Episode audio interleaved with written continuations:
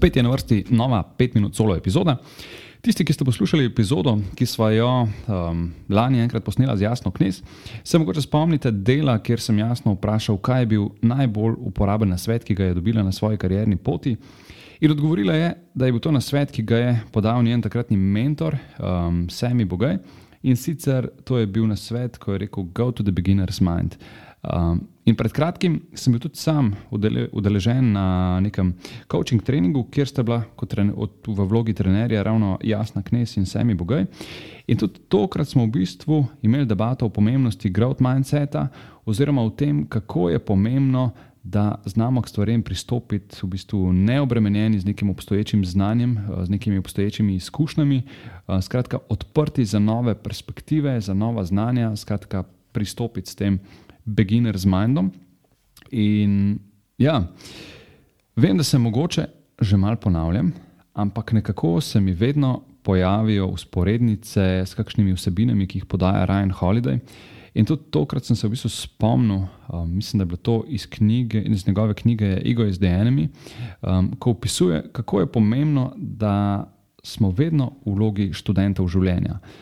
Pravi, da so vsi veliki vodje in vsi veliki mislici bili vedno študenti življenja.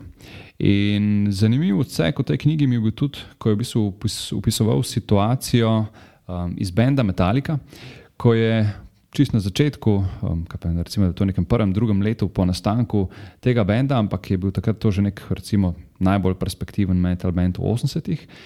In je v ta bend vstopil kitarist Kirk Hammett iz nekega um, manj znanega ali pa posebno neznanega benda. In dejansko je naredil nek prestop iz neznanega na neko tako um, konkretno, perspektivno pot um, mladega glasbenika.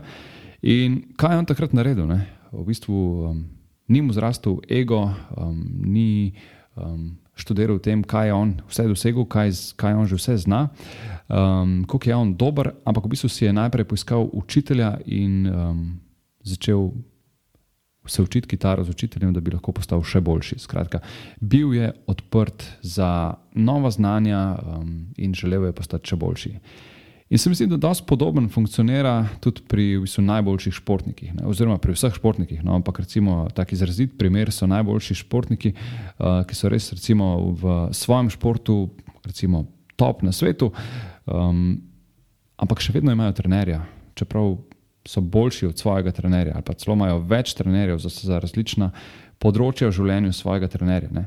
In tudi v bistvu najboljši, ali pa težko, najboljši, tako močna beseda, lahko rečemo zelo dobri um, lideri ali pa ljudje, ki, ki um, so tako, uh, recimo, imajo nek visok performance v življenju, običajno um, imajo tudi ob sebi kakšne. Um, Koče, ki jim pomagajo rast, ki jim odpirajo neke nove perspektive, skratka, ne razmišljajo o tem, kako so oni najboljši in kako oni vse vejo, ampak običajno imajo ljudi v sebi, ki jim pomagajo, da so lahko še boljši. In mislim, da sem enkrat celo poslušal eno zgodbo, um, če se nazaj na šport navežem, mislim, da je bila to zgodba nekega golfista, ki je bil recimo, v sami svetovni špici, lahko da je bil Tiger Woods, lahko da je bil kdo drug, ne, ne spomnim se. Ampak zgodba je bila, um, point zgodbe je bil ravno v tem, da je nekako gotovo, da je gotovo, da um, če bi povsem spremenil tehniko svojih udarcev, bi bil lahko še boljši, čeprav je bil že takrat recimo, najboljši. In mogel je dejansko vse pozabiti in se na novo naučiti udarcev iz nule, ampak ko se jih je naučil, je bil dejansko je dosegel še boljše rezultate. Skratka, um, en tak dokaz, da tudi če je človek res najboljši v tisti svoji niši, um, vedno se lahko še izboljša, vedno so neki prostori za izboljšave, ampak ne smemo stati sem, sami sebi na poti in reči: mi, Jaz že vse znam, um, ne rabim se nič naučiti, kdo bo meni govoril, kaj se lahko še naučim. Pač jaz sem že vse dosegel in to je to. Ne. S tem si v bistvu zapiramo sami sebi um, neko pot napredka. In ja, verjetno smo res nekako prepogosto preobremenjeni s tem, kdo smo, um, kaj že znamo, kakšne izkušnje že imamo. To nas lahko res pogosto uvera, da bi v bistvu bili še boljši. Um, in ja, v bistvu smo lahko res sami sebi veliko krat največja uvera. Um, tako da, ja, To je to v današnji epizodi in um, se slišimo spet prihodnič. Še ena zadeva, preden greš, oziroma dve zadevi, preden greš. Najprej res hvala za poslušanje podcasta. Če ti je bila epizoda všeč, te vabim poslušati ostalih epizod, tistih, ki so že objavljene in tistih, ki še bodo.